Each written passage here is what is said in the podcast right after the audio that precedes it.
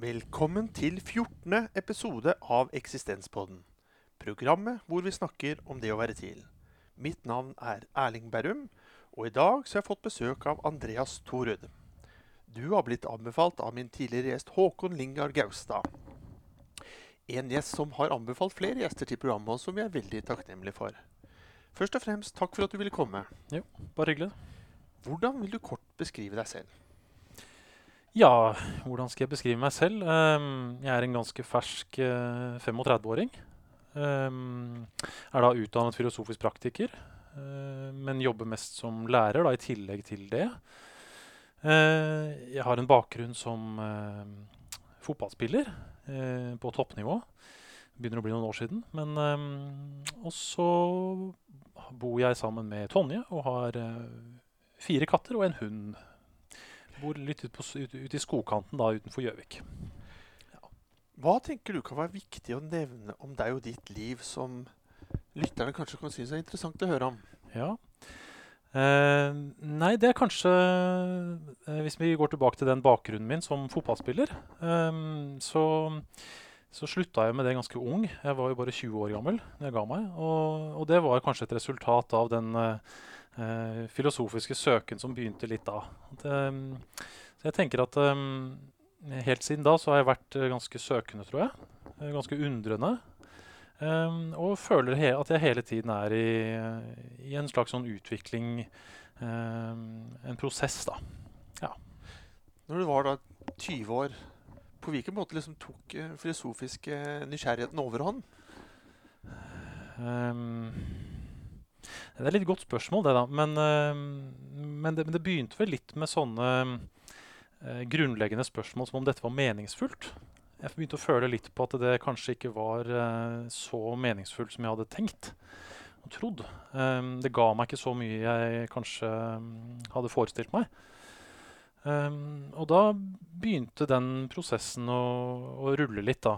Um, og ble samtidig litt interessert i, i, i måter å tenke på rundt det. Uh, som brakte meg inn på Blindern da, og Filosofisk institutt, og så gikk det, gikk det derfra. da. Du har blitt bedt om å velge ut grunn, en grunnleggende dimensjon ved det å være til som menneske. Hva har du valgt som tema for dagens program? Um, jeg tenkte at det måtte jo være noe som jeg er litt opptatt av, og noe jeg er litt engasjert i, og det, det er jo mye. Um, men jeg tenkte at en slags sånn overskrift for um, det vi kan snakke om i dag, det er uh, menneskets speil. Um, dyrene og oss. Ja, interessant. Ja. Det første som slår meg da, er liksom sånn Hva mener du da når du sier 'dyrene og oss? Eh, tenker du da på noe slektskap, eller mangel på slektskap? Ja, jeg, jeg tenker at når vi snakker om det å være til, og det å være menneske, så blir vi fort veldig opptatt av det som er veldig menneskelig. Og nesten litt sånn altfor menneskelig, føler jeg litt.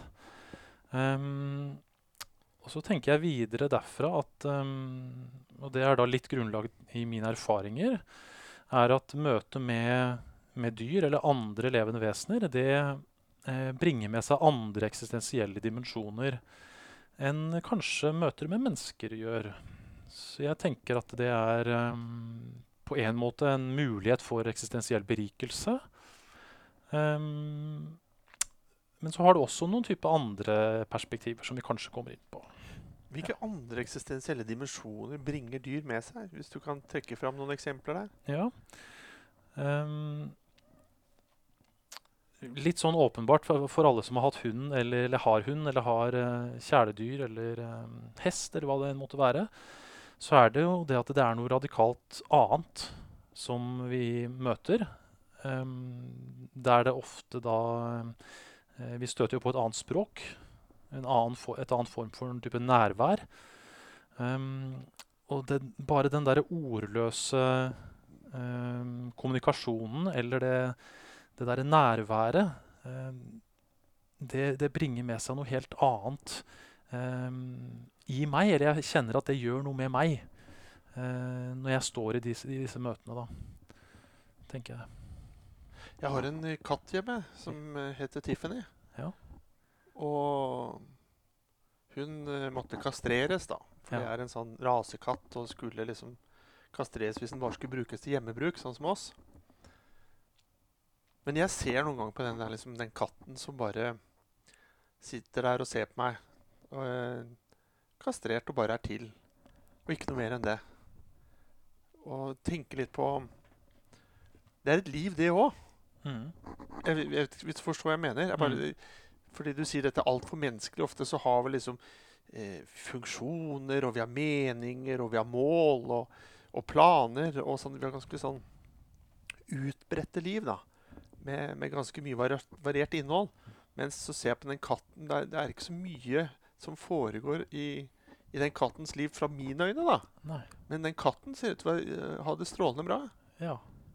Så Jeg vet ikke. Så det, det gir også en reaksjon. Jeg, jeg tenker også på liksom samværet med, med katten, og så syns jeg liksom litt sånn synd på, på, på katten. Men samtidig så gir da kattens måte å være i verden på også meg en trøst, da. Ja. Ja, det, det, er jo, det er jo et helt unikt livsuttrykk. Eh, som på en måte både har noe felles, tenker jeg, med hvordan det er å være menneske, og også noe helt forskjellig. Um, og det er det som er litt spennende, syns jeg. da, det, det å stå overfor f.eks. Eh, katten din eller hunden din, eller hva enn det måtte være. Så, så, så gjør det noe med din selvforståelse også. Um, det, blir, det blir en sånn en ny mulighet for å forstå seg selv eller å definere seg selv på. eh, når du står overfor noe annerledes. Noe som unnslipper dine vante kategorier og dine vante måter å tenke på. eh, som vi kanskje har en tendens til å bli litt sånn fanget i. eh, I liksom våre menneskelige ja, strukturer og, og væremåter, tenker jeg. Ja, vel, Mennesket, slik jeg oppfatter det noen ganger, eh, så er det å være til i seg selv ikke godt nok. Vi må hele tiden strebe etter noe annet, eller vi må hele tiden rettferdiggjøre oss. Mens en katt eller hund eller sånt, de er fornøyd med å være som de er. Ja. Hva tenker du over det? Ja, um, det er jo sikkert noe i det. Og kanskje vi har litt godt av det, det møtet der. Ehm, jeg kan jo bare snakke for meg selv, men eh, hunden vår hun heter Laika. da, Hun er eh, 14 måneder gammel golden retriever. Ehm, og etter at liksom, hun kom inn i livet vårt, så, så merker jeg at hun gjør noe, eh, gjør noe med meg. Ehm, hun på en måte åpner opp eh, en annen type væremåte i meg, da, et annet potensial. Uh, F.eks. Eh, lekenhet. Den derre ubetingede gleden ved å bare være til. Eh, der det ikke er noen eh, planer eller noen bekymringer eller, eller noen eh, noen type sånne metaperspektiver. Men det er bare dette nærværet som er godt nok i seg selv. da, tenker jeg. Og så er det dette med stillhet, som jeg også har tatt meg selv ofte i. At vi bare sitter sammen og er sammen. Uten at vi egentlig veksler noen ord, men vi bare er sammen og har slags, et slags møte eller et slags nærvær bare med blikk og berøring. Og det, og det bringer med seg noen, noen kvaliteter da, ved, ved livet som, som, eh, som ikke kanskje er like tilgjengelig med mennesker. Eh, Hvis du tenker på det rent genetisk, da, så er jo slektskapet vårt med, med flere dyrearter ganske høyt. Vi er liksom oppe i 95-97 i enkelte dyrearter. Hvis du driver med matematikk og skal runde av, så, Ja, ja. så er vi jo egentlig det samme. Eh, men vi skiller oss veldig da, fra, fra dyrene. Og noen kan vel kanskje si noen ganger at vi fortrenger vårt slektskap eh, til dyrene. Og vil ikke vedkjenne oss det. Mm. Kanskje med tanke på at vi, vi dreper dem, vi spiser dem, vi bruker pelsen deres. Også det andre. ene og det andre. Eh, hva tenker du om at vi i dag kanskje ikke har eh, så tette bånd til dyr som sådan i vår identitet? da? Mm. At vi ser på mennesker som noe veldig forskjellig fra dyr. Mm. Hva tenker du om det? Tenker du da om jeg, om hvordan jeg type ser på det i, om positivt eller negativt, eller? Nei, jeg bare Nei. Jeg stusser. Jeg bare syns det er liksom litt sånn rart Ja. at vi har fjernet oss så langt fra det at vi også er dyr. Mm. Eh, og, og hva vi tillater oss Mm. som eh, menneske i forhold til våre, vår dyrefamilie, da, hvis du ser oss i i slektskap med dyrene. Ja. ja. Um, jeg tenker kanskje at det Jeg syns også det er litt merkelig, uh, men samtidig noe veldig behagelig. Ehm, fordi eh, vi har kanskje en tendens til å um, ikke bare forenkle og redu redusere dyrene, men også hverandre. Men, men, men vi, vi gjør kanskje det for, å, for at verden blir lettere å håndtere, eller å forholde seg til. Um, så det er kanskje en, kanskje en type naturlig, naturlig prosess eller aktivitet. Um, men samtidig så er vi veldig Kanskje det unnslipper oss litt at vi, at vi uh, gjør det ut fra vårt perspektiv. Um, at det er liksom våre menneskelige eh, kategorier og væremåter som er med på å farge hvordan vi forstår og uh, verdsetter andre livsformer. Og da går vi kanskje glipp av noe, tenker jeg. Uh, vi, vi liker å tenke på oss selv som suverene fordi vi f.eks. er rasjonelle. Um, men vi glemmer f.eks. sanserikdommen som finnes der ute. Um, eventuelt uh, en annen form for uh, et uh, følelsesmessig type register. Um, en annen type sårbarhet eller umiddelbarhet. Um, som vi da går litt glipp av. fordi vi blir så opphengt i, i, i vår menneskelige måte å, å, se, å se de andre på. da. Eh, så vi går glipp av noe, tenker jeg. På hvilken måte tenker du at Walt Disney har bidratt i vårt forhold til dyr? uh, ja Nei, det snakkes jo mye om sånn disnifisering da, av dyr. Uh, så vi gjør det der på godt og vondt. Uh, vi, vi, vi, vi trekker kanskje noe fra, men vi tillegger også kanskje noe. Eh, kanskje det ikke er så dumt heller. Kanskje det er mer felles enn vi, enn vi liker å tenke oss, eller eh, har vent oss til å tenke. Kan jo være. Eh, jeg er litt usikker på i hvilken bok, men jeg mener å huske at det var i 'Brødrene Karamazov' av Dostojevskij. Mm. Eh, så beskriver han eh, mennesket som det stridige dyret. Hvor alle andre har liksom akseptert eh, Alle andre dyr har akseptert tilværelsen og sier ja til på en måte det som skjer, og det de er. Men ikke mennesket. Mennesket vil ikke akseptere seg selv. Mennesket vil være noe annet enn seg selv. Så det, liksom, det strider mot eh, hvem og hva det er. Mm. Um, jeg tenker kanskje noe av det også fins i dyreverdenen, jeg, da. Ehm, at det, eh, vi alle er i en type sånn utsatt, sårbar posisjon ved å være til i seg selv. Um, og uansett om man er dyr eller menneske, så prøver, prøver vel alle å på en eller annen måte håndtere det ved å overskride seg selv. Ved å finne nye former å være på som passer bedre med de omgivelsene som hele tiden truer eller krever noe av oss. Ehm, så det kan hende at det bare er en, en vesensforskjell, eller, og ikke en type distinkt forskjell. Menneske og dyr. Men at det er bare ulike måter vi er stridige på. Jeg vet ikke. Nei, jeg tenker vi, vi gjør jo veldig forskjell mellom både kultur og natur, og natur altså måte eh, Å være menneskelig eller dyrisk. Eh, og hvor da dyrisk ikke akkurat er så veldig lystbetont eller så veldig positivt nødvendigvis.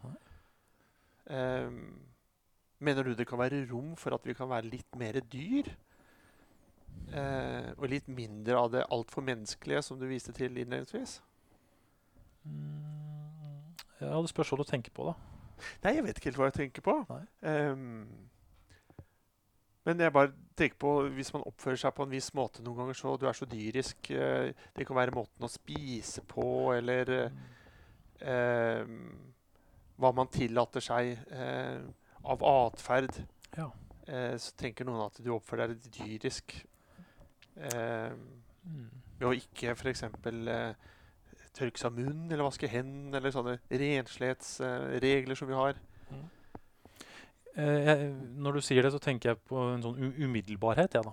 Eh, Der vi ikke ta, må ta det steget tilbake igjen og, og nærmest liksom vurdere oss selv og tenke på hvordan vi, fremtrer alltid og ha dette her eh, perspektivet, da. Eh, Det tenker jeg kanskje kunne vært eh, fint for oss iblant. Eh, sånn som lekenhet. At vi tør å slippe oss litt løs og, og bare være, være til stede i en litt sånn tullete, tøysete, lekende væremåte. da. Eh, nå tenker jeg på Arne Næss med en gang når vi snakker om det. da, eh, Som jeg tror prøvde å bane litt vei for det. Um, og det, det tenker jeg kan være veldig berikende. Jeg synes det er veldig Ja. interessant at du nevner det der med, med, med lekenhet og ordløse og mm, Og liksom begeistringen, da. Eh, fordi det ofte når du, du nevner det i forbindelse med dyr, men noen ganger når jeg tenker på dyr, eh, og dyrisk, så er det ofte litt mer negativt ladet. Ja. Men dette er på en måte liksom positive eh, assosiasjoner da, til det å være dyr, eller hva vi kan lære av dyrene, eller ta til oss fra den dyriske verden. Mhm. Så det Jeg var ikke klar over at Arne Næss også var opptatt av det dyriske dimensjonet der. Ja.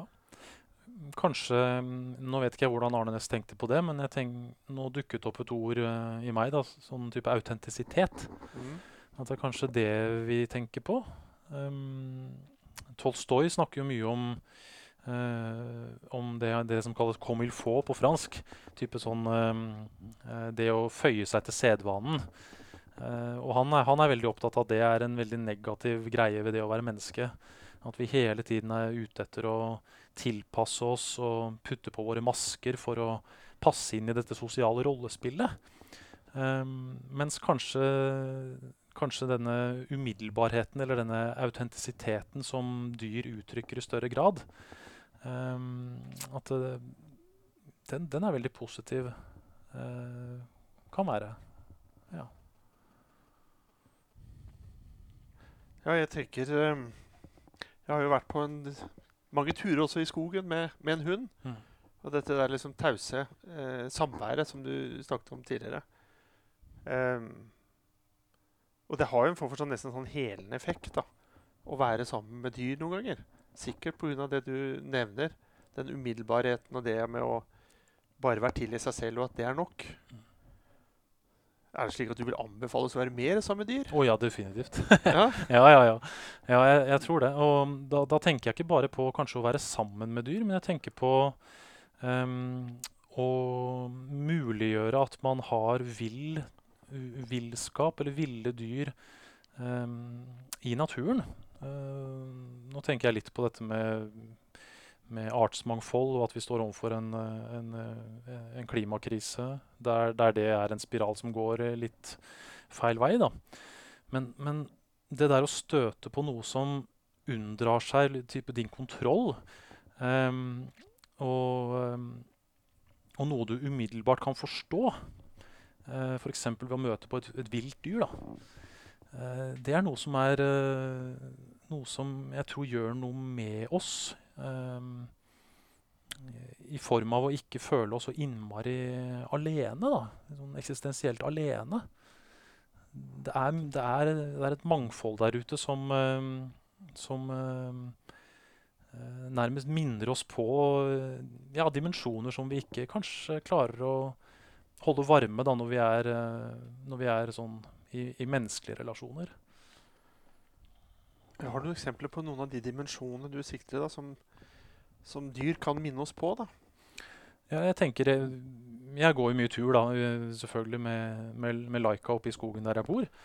Um, og det er jo ikke, det ikke sjelden at jeg mm, møter på um, elg, f.eks. Uh, og, og jeg merker at det som, det som skjer med meg da, når jeg, når jeg ser denne, dette store, flotte dyret som står liksom litt bortenfor der, så uttrykker det liksom noe sånn noe, majestetisk.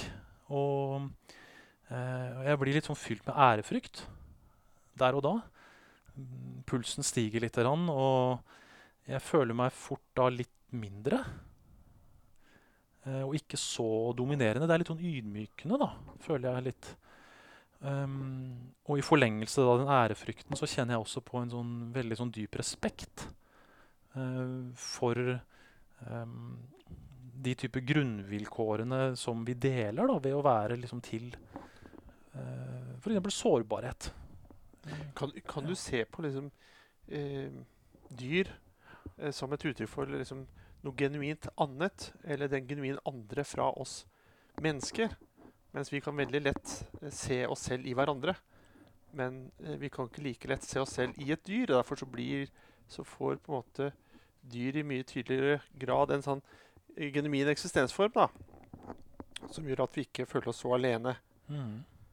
Men det kan også da være liksom et dyr kan kanskje da være uttrykk for noe mer sånn eh, genuint den andre eller de andre.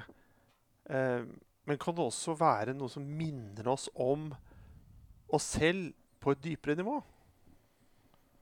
Uh, ja, eh, når du sier det, så tenker jeg litt på sånn eh, at vi, vi mennesker har jo blitt veldig siviliserte. Og i, vi har blitt veldig eh, moderne i gåsetegn. Og vi, vi har kanskje blitt litt distansert fra um, vårt naturlige opphav. Jeg tenker kanskje at eh, møtet med, med særlig da ville dyr um, kanskje minner oss på det. At det, det her er også, også noe som bor i oss. Den samme sårbarheten og, og de samme type grunnleggende driftene som vi ønsker å vi ønsker å ha det godt, og vi ønsker å unngå lidelse. Um, vi ønsker å holde nøden på avstand. Um, så vi er liksom, det, det er noe vi er felles om, da, eller sammen om. Uh, det tenker jeg jeg, jeg minnes iallfall ofte på det. Du sier samme sårbarhet. Hva slags type sårbarhet er det du tenker på liksom hos ville dyr? Jeg tenker på den utsattheten, utsattheten i form av å være kroppslig, f.eks. Um, det at vi hele tiden er um, nærmest presset fra forskjellige kanter um, av behov. Sult. Type trygghet fra farer. Uh, kulde, varme. Disse tingene her som, som, uh, som alt liv egentlig da er, uh, er litt utsatt for. da. Så vi er jo grunnleggende sårbare. Men mennesker vi har blitt så veldig vant til å være, være så trygge. I, og da kanskje vi liksom har mistet det litt av syne, da. Uh, mm.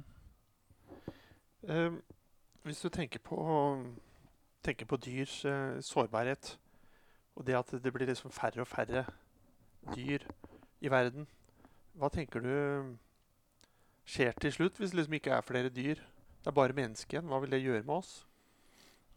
Jeg, kan, jeg kan jo egentlig bare snakke for meg selv, men, um, men jeg, tror, jeg, tror, mange vil kjenne seg inn i det. I hvert fall de som, uh, som er i, mye i kontakt med dyr. Og jeg tror mange ville, ville, ville kjent seg inn at det ville gjort oss veldig ensomme. Um, jeg tror også vi ville gått glipp av en, um, en kilde og en mulighet til uh, selvinnsikt uh, og selvforståelse. Um, jeg, jeg, tror egentlig ikke vi kan forestille oss det helt. Men uh, det er jo en reell mulighet uh, med tanke på det vi står i nå, med klimakrisen og, og artsmangfoldet som forsvinner i en veldig rasende fart. Uh, så, så jeg, jeg, tror det blir et mye større tap enn det vi kan forestille oss. Jeg tenker bare også, Jeg vet ikke hvordan du ville forestilt deg det, Erling, men, um, men en himmel uten fugler, da. Ja, jeg er litt Ja. bekymret for det. Jeg hørte nettopp på, på radioen her at uh, antallet insekter går dramatisk ned. Og det er jo noe av næringsgrunnlaget til fugler, tenker jeg. Mm. Så ja, det er blitt litt stusslig, for Ja. å si det mildt. Ja. Um, men da har du liksom, vi snakker om ville dyr, og så snakker vi om husdyr. Mm. Um, og gjør du noen distinksjon mellom de i forhold til uh, vårt møte med dyr? At det er forskjellig å møte da våre egne husdyr eh, kontra møte ville dyr? da? At de to forskjellige opplevelser vi kanskje bør ha, og søke begge? Jeg tror, det er, tror det er en forskjell på uh, å møte ja, Det er ikke et husdyr, men bare for å sette det litt i perspektiv, men å møte en, uh, en flue versus å møte en, uh, en gris. Det er klart det byr på ulike, ulike ting. Um, men, men til syvende og sist så tror jeg det egentlig kan dreie seg om det samme, og det er at du, du står overfor noe som, som umiddelbart liksom unndrar seg um, din vanlige måte å fortolke på. Det er, noe, det er noe helt annet der. Det er eh, noen helt andre sanser. Det er noen helt um, andre måter å forstå verden på. Det er ehm, Tror du hvis vi anstrengte oss mer eh, for å forstå dyrenes måte å oppleve verden på, så ville vi forstå livet bedre?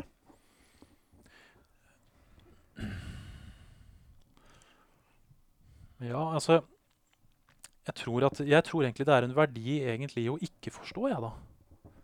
Når du sier det. Um, det å tørre å stå i at det er et mysterium, uh, det vi støter på. Albert Schweitzer snakker mye om det, men han snakker om denne her eh, mystiske livsviljen som er, um, uttrykker seg i, i alle levende vesener. Um, at det, det er selve liksom berikelsen. Det er det at vi, vi kan stå og uh, nærmest ha en slags relasjon til et annet vesen og bare la oss eh, gripe av en sånn der undring som, som gir en, en respekt og en ærefryktsfølelse som, eh, som jeg tenker er veldig verdifull. Um, kanskje det ikke er så heldig alltid at vi skal prøve å forstå, fordi det uansett vil være uh, ganske tydelige begrensninger for hvor mye vi kan forstå av, av hva som foregår i andre livsformer. Ja, jeg skjønner hva du sikter til, og Mm. har forståelse for det. Mm. Jeg tenkte vel også litt på dette med eh, livet i seg selv. Liksom. Det er vanskelig å, å definere. Ja. Hva er det? Mm. Og det unnflyr oss hele tiden. Mm. Em, og vi ser det jo gjerne og definerer det jo gjerne ut ifra oss selv. Mm. Mens eh, hvordan liksom et, Hvordan definerer dyr livet? Eh, hvordan opplever dyr livet sånn fra sitt ståsted? Eh, det er jo det samme livet vi forholder oss til. Men vi ser fra menneskeøyne, og de fra sine dyreøyne. da. Mm. Eh, hva tenker du om måten dyr eh, ser på oss mennesker? Ser de på oss som ett av, flere dyr, eller ser de på oss som et spesielt dyr? Jeg, tenk, jeg, jeg undres ofte over det, da. Eh, fordi ja, jeg, jeg sitter jo f.eks. Uh, når jeg er på tur med, med Laika, så ha, har vi ofte en sånn pause der vi stopper og liksom har en, eh, en, liten, en liten stopp. da. Og da ofte så, så tar jeg meg det at jeg, jeg, ser, jeg ser på henne og ser inn i øynene hennes, og så lurer jeg litt på hva hun tenker. Uh, men, men det er liksom tilstrekkelig. da. Jeg, kan, jeg tror ikke jeg noen gang kan forstå det. Uh, men ba, det er i seg selv en type uh, Det gir meg noe veldig verdifullt. I at um, I at hun, hun betrakter meg uten at jeg egentlig kan få tilgang til det. Eh, vi har ikke samme språk, samme, samme begreper. Hun kan ikke kommunisere det til meg. Så det at det er et mysterium i seg selv, det er, det er noe veldig flott med det, syns jeg. da. Bruker du noen av de erfaringene og opplevelsene av den mystiske livsviljen hos dyr også i dine betraktninger av mennesker? Ja, jeg tenker det er en overføring der. Fordi vi Jeg tenker iallfall at vi, vi har en litt sånn uheldig mm, vane, eller, eller en tendens da, til, å, til å redusere og forenkle virkeligheten vi møter. Um, og det tar, jo- også form i møte med mennesker.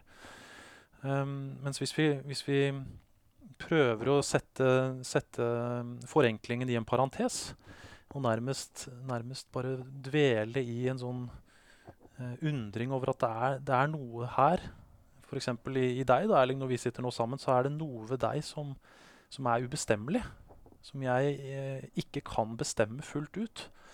Um, det er en sånn rikdom som, som, um, som må få være der og utfolde seg. Uten at jeg skal putte det i bokser og, og den slags. Um, og jeg tenker at det er en av liksom, si, grunnbetingelsene for gode møter mellom mennesker og, og, og mellom mennesker og dyr. um, som, um, som vi kanskje ikke alltid er like flinke til. Jeg vet ikke. Heidegger han, em, han oppfordret oss til å sprenge språket innenfra. Dvs. Si at man tar tak i et hvilket som helst begrep, og så eh, gjør man en vurdering av begrepet uavhengig av den leksikalske eller etymologiske betydningen. Men bare stykker og deler opp for å se hva slags mening du selv finner fram til. Og jeg gjorde den øvelsen bl.a. i forhold til begrepet 'underlig'. det som er underlig. Eh, og så har, kom jeg til slutt fram til at eh, underlig kan jo stykkes opp til lik et under. Og så lagde jeg en liten setning på det om at underet er at vi ikke vet. Ja. For det som er underlig, det er gjerne det vi ikke vet. Ja. Og så har du dobbeltbetydningen til under. Så underet er at vi ikke vet. Hva det betyr, det vet jeg ikke. Nei, nei, nei. Men du, nå har vi kommet på til slutten av eh, programmet. Oh, ja. Og da pleier jeg alltid å spørre om eh, du har noen tips til lytterne. Og da tenker jeg på eh, at tipset kanskje kan handle litt i forhold til eh, hvordan man kan få betrakte dyr, eller innlemme dyrenes verdier på en bedre måte i eget liv. da. Mm. Eh, ja, hva skal jeg si da? Uh, kan jo kanskje begynne med noen type sånn eh, litteraturtips som jeg har blitt veldig beriket av. Og da, jeg har jo nevnt Albert Schweitzer. Han har jo skrevet noen tekster om dette her. En veldig vakker eh, eh, tese, eller ikke en tese, men en eh, anskuelse som han kaller 'ærefrykt for livet'. Eh, veldig flott. Eh, og så tenker jeg på Martin Bober umiddelbart. Hans eh, beskrivelse av møtet mellom jeg og du, det er jo noe som er universelt. Det er ikke noe som bare skjer mellom mennesker. Og han har også noen beskrivelser der, mm, der han er, er i et jeg-du-forhold med en katt og med en hest. Eh, og så har du Arne Næss, som, eh, som eh, også sier mye klokt om, om det i sin eh, økosofi, da, tenker jeg. Men hvis jeg skal komme med et sånn praktisk, ja, praktisk tips, så først må du anskaffe deg et dyr. Ja. Eh, det er veldig, veldig, veldig fint. Um, men, men hvis du i, allerede har et, eller hvis, du, eh, eller hvis ikke det er aktuelt, da, så, så er det jo det å, å Når du er i, står overfor et annet levende vesen, så er det vel det å prøve å la seg forundre over det livsuttrykket som, eh, som står foran deg. Um, fremfor å, å forenkle det og um, ja, bagatellisere det eller redusere det til instinkter eller en sånn rå dyrisk kraft. Eller, men bare la det få dvele litt, og se hva det gjør med deg, tenker jeg. Det var gode ord til Ja. slutt i samtalen. Ja. Eh, tusen takk for at du kunne komme i dag. Ja, bare hyggelig. Takk også deg som lytter for å ha fulgt oss denne halvtimen. Vi høres igjen, og inntil da, ha det bedre enn bra.